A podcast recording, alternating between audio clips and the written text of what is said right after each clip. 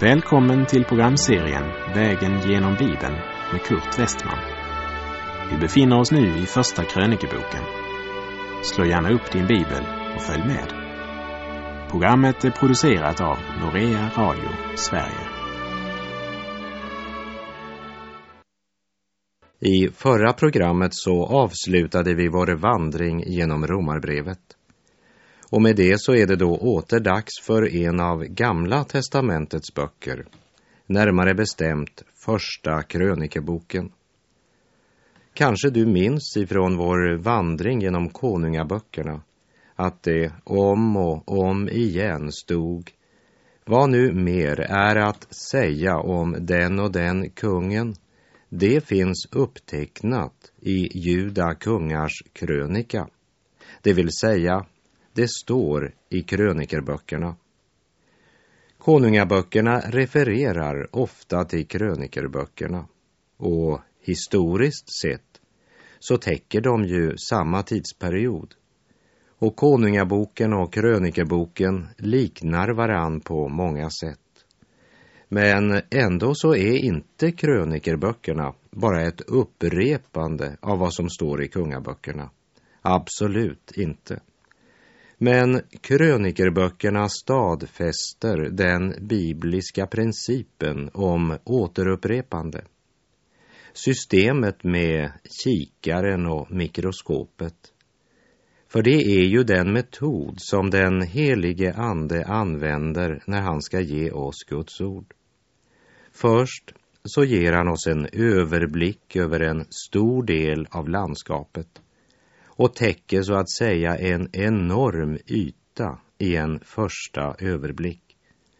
För att sedan återkomma med utvalda delar från samma landskap för att studera ett bestämt område mer detaljerat. Det är som om Guds helige ande först plockar upp kikaren och överblickar stora områden för oss. Och sedan ja, då tar han bestämda delar av detta landskap och lägger det in under mikroskopet och låter oss se in i detaljerna. Det är just det som sker också här i Första krönikebok. Redan i Första Mosebok mötte vi repeterandets hemlighet. Där andra kapitlet överblickar sju dagars skapelse och sedan lyfter fram en detalj, nämligen människans skapelse. Och det är ju en mycket viktig detalj för oss eftersom vi tillhör Adams släkt. Även i Deuteronomium, det vill säga i femte Mosebok, så möter vi detsamma. Deuteronomium betyder ju den andra lagen. Men femte Mosebok är verkligen något mer än en repetition av lagen. För det är ju en förtolkning av lagen sett i ljuset av 40 års erfarenheter av lagen i öknen. I krönikerböckerna ska vi upptäcka att Gud på nytt beskådar de områden som täcktes av Samuelsböckerna och konungaböckerna. För att så lägga till några detaljer och så fokusera på sånt som han betraktar som viktigt. Låt mig ge dig några exempel på det. Det ena är David som är fokus i Första krönikeboken medan andra krönikeboken fokuserar på Davids efterkommande och Nordriket är närmast ignorerat efter rikets delning. Krönikerböckerna återger inte Davids synd.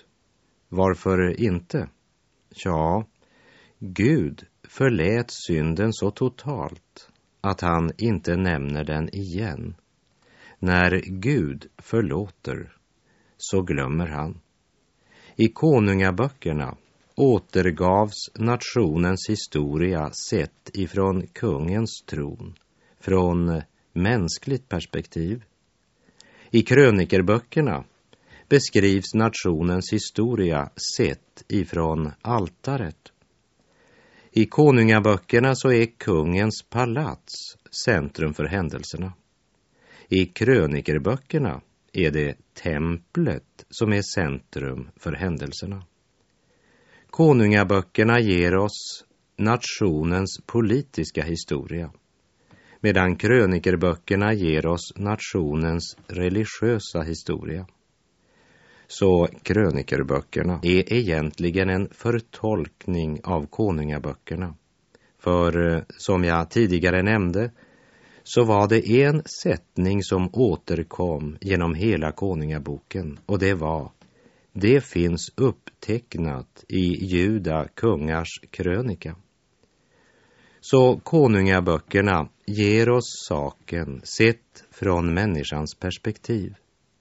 Krönikerböckerna ger oss saken sett från Guds perspektiv.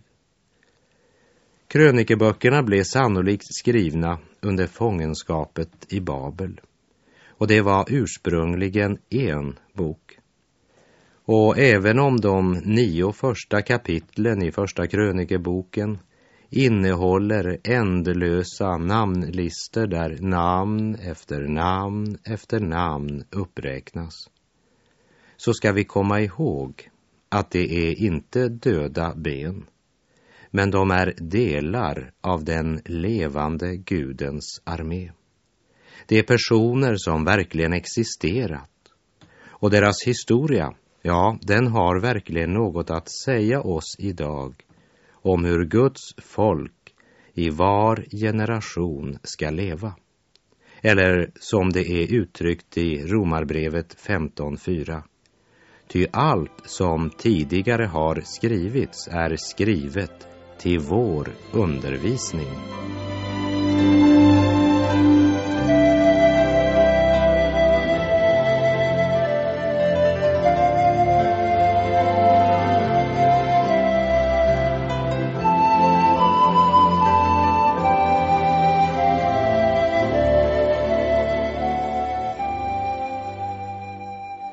När vi nu ska vandra genom första krönikeboken så låt oss lägga märke till de allra första namnen i den långa raden av namn som fyller de första nio kapitlen.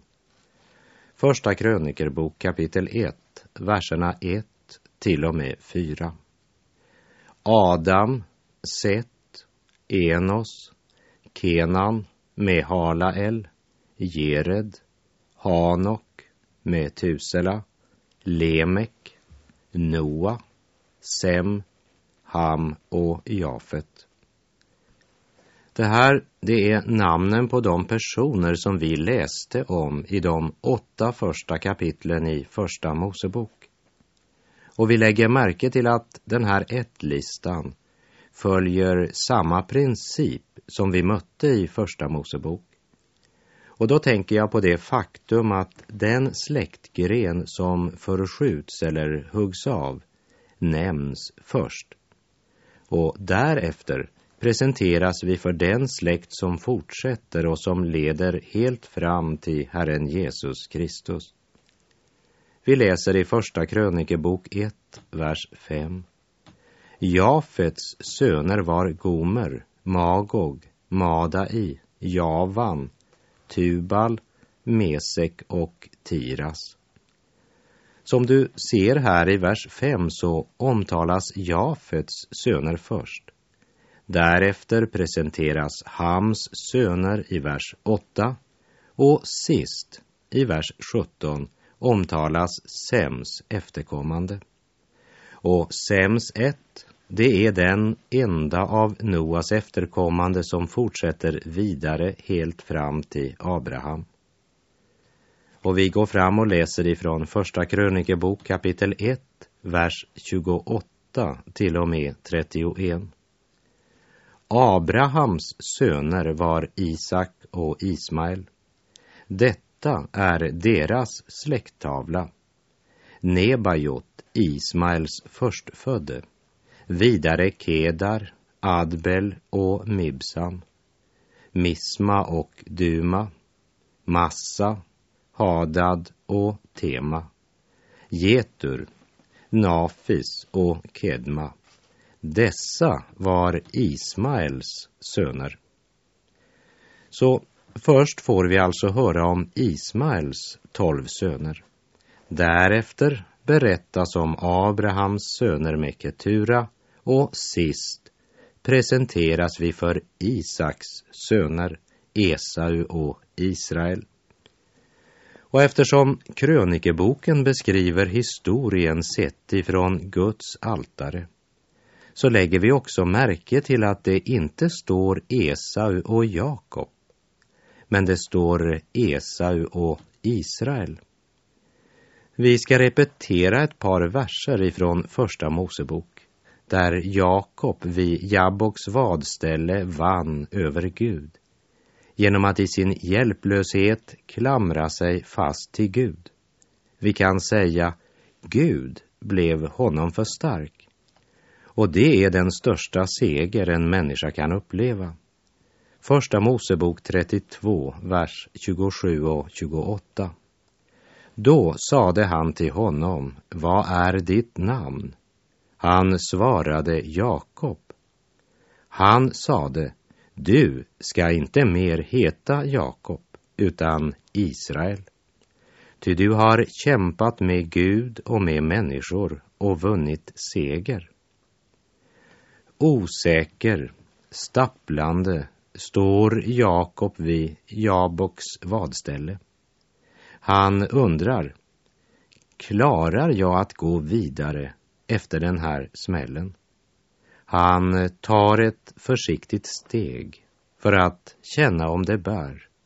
Han haltar, men han kan gå vidare. Han har haft ett möte med Gud. Bedragaren Jakob har inte bara fått ett nytt liv, han har också fått ett nytt namn. Du ska inte mer heta Jakob, utan Israel, sa Gud. Därför står det också här i Första krönikerbok 1.34. Och Abraham födde Isak. Isaks söner var Esau och Israel. Först så räknas alltså Esaus efterkommande upp. Sedan så följer den gren som leder fram till Herren Jesus.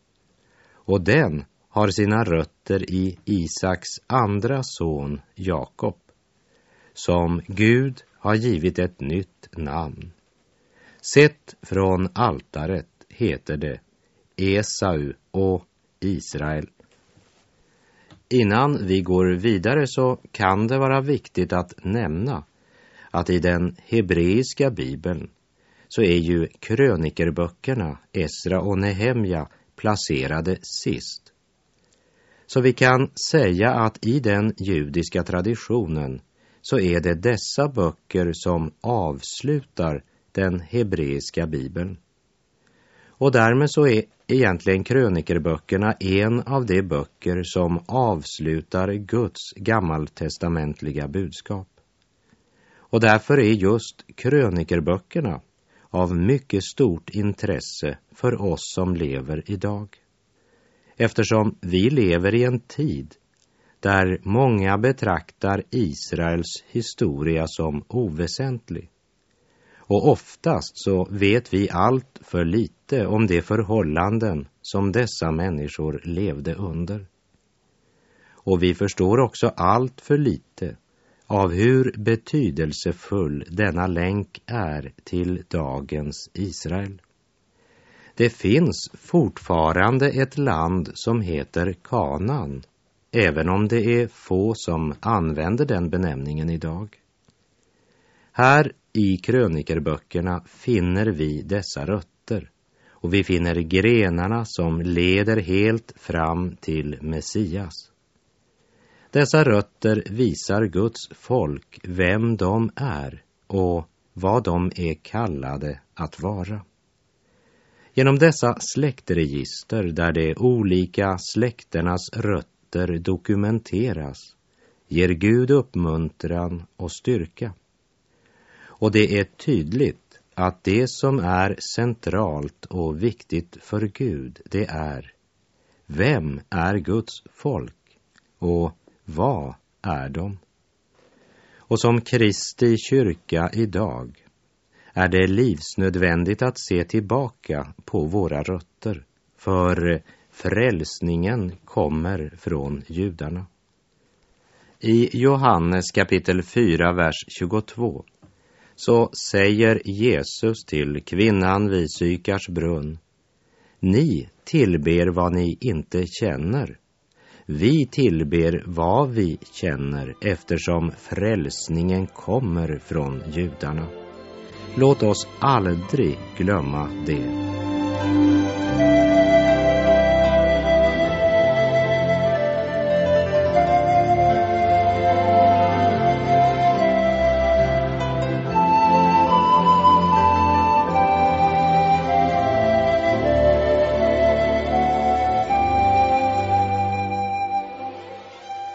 I Första krönikerbokens andra kapitel så inleds Jakobs släktstavla. Och detta Jakobs eller Israels släktregister det fortsätter helt fram till och med kapitel 9 i Första krönikebok. Här i kapitel 2 ser vi i verserna 13 till och med 15 Isais släkt. Och vi ser att en av Isais söner var David. Och från Första krönikebok 2.15 så följer vi Davids efterkommande. Eftersom Herren Jesus, den utlovade Messias, han ska komma från Davids släkt. Första krönikerbok kapitel 3 innehåller förteckningen över Davids familj. Och här upptäcker vi att David, han hade en del söner som vi inte kände till tidigare. Eftersom de inte blev omnämnda varken i Samuelsböckerna eller i Konungaböckerna. Vi läser första krönikerbok 3, vers 5. Och dessa söner föddes åt honom i Jerusalem. Simea, Sobab, Natan och Salomo, tillsammans fyra av Batsua, Amiels dotter. Har du någon gång hört om Simea eller Sobab? Vi känner väl till Salomo, men eh, vem har hört om Natan? Vi visste ju att en av profeterna på Davids tid hette Natan. Men eh, att David hade en son som hette det, det var en nyhet. Men om du går igenom Jesu släktregister så som du finner det återgivet i Lukas evangeliet så upptäcker du att rötterna går via Natan och inte via Salomo. Lukas berättar Marias historia och ger i Lukas evangeliet hennes släkttavla.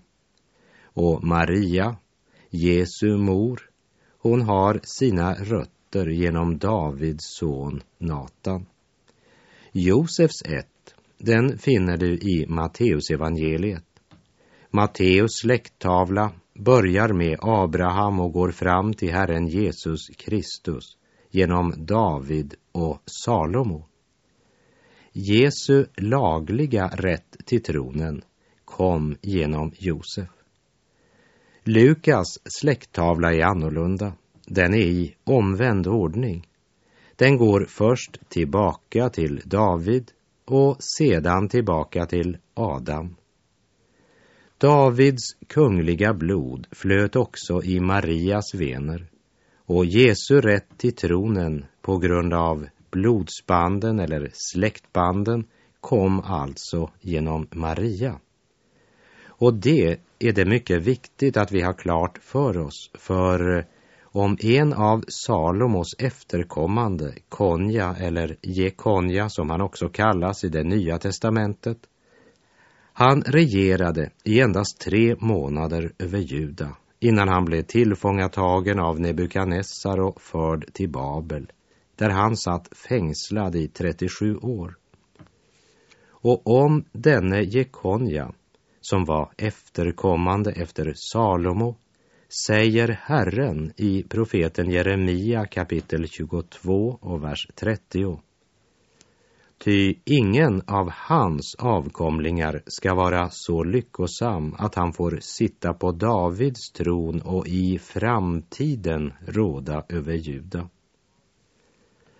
Och av släkttavlan i Matteusevangeliet ser vi att Josef, Marias man, alltså tillhörde den släkt om vilken Herren sagt att ingen av hans avkomlingar ska vara så lyckosam att han får sitta på Davids tron och i framtiden råda över Juda. Därför kunde inte Josef vara Jesu far. För ingen från den släkten skulle i framtiden sitta på Davids tron och råda över Juda. Jesu jordiska släktband kom via Maria, som också var av Davids ett. Därför måste Jesus födas av jungfrun Maria. För Josefs rötter går via Jekonja och Herren hade sagt genom profeten Jeremia att ingen av hans avkomlingar ska vara så lyckosam att han får sitta på Davids tron och i framtiden råda över Juda. Därför måste Jesus födas av jungfrun Maria.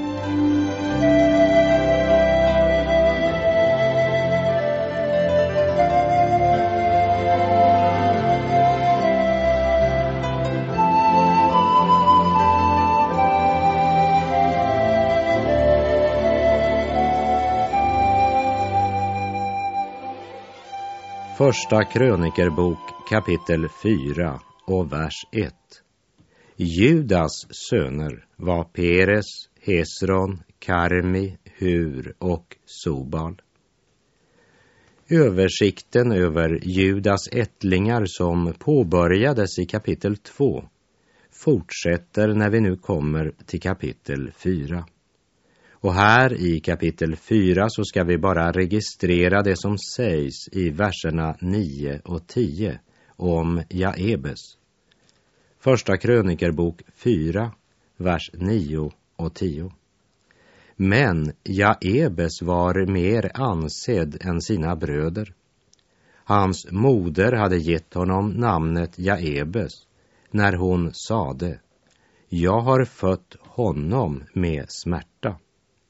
Och Jaebes åkallade Israels Gud och sade O att du ville välsigna mig och utvidga mitt område och låta din hand vara med mig.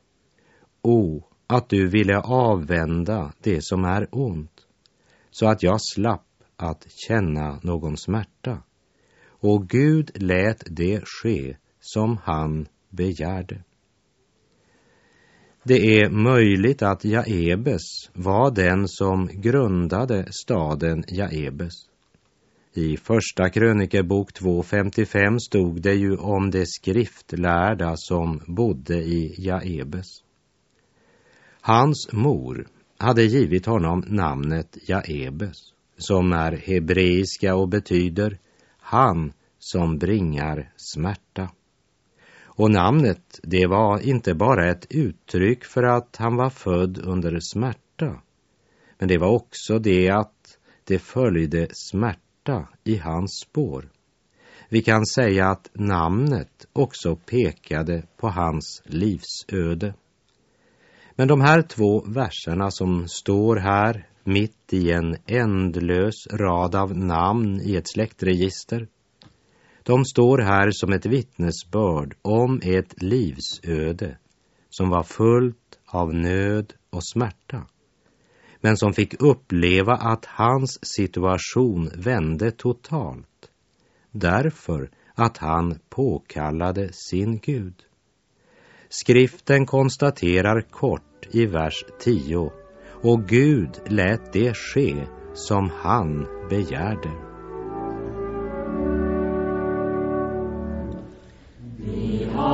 Gud som sig förbarmar och skänker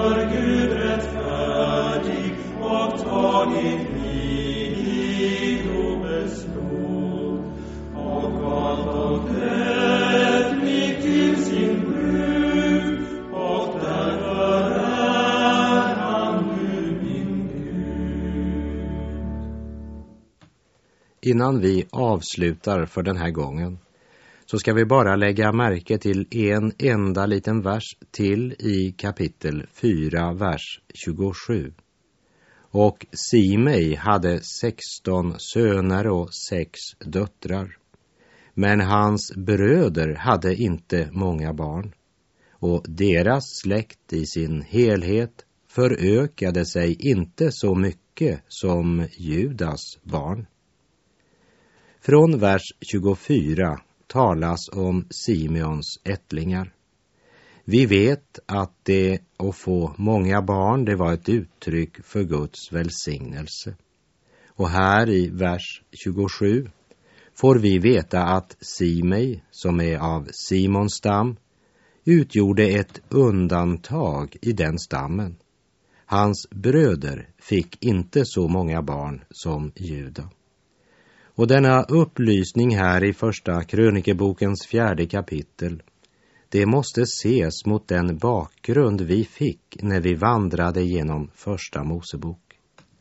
Stamfadern Simeon, han var med på att utföra en ogärning som förde skam över Jakob. Det läste vi om i Första Mosebok kapitel 34. På grund av detta så kom Simeon in under förbannelsen. Och i Första Mosebok kapitel 49 så sägs det att Simeon och Levi ska spridas omkring. Och det skedde också. Men på grund av att Levis stam hade utvalts till att vara präststammen i Israel så blev den bevarad som en stam även under förskingringen medan Simeons stam däremot gick i upplösning. Och med det så får jag säga tack för den här gången. På återhörande om du vill.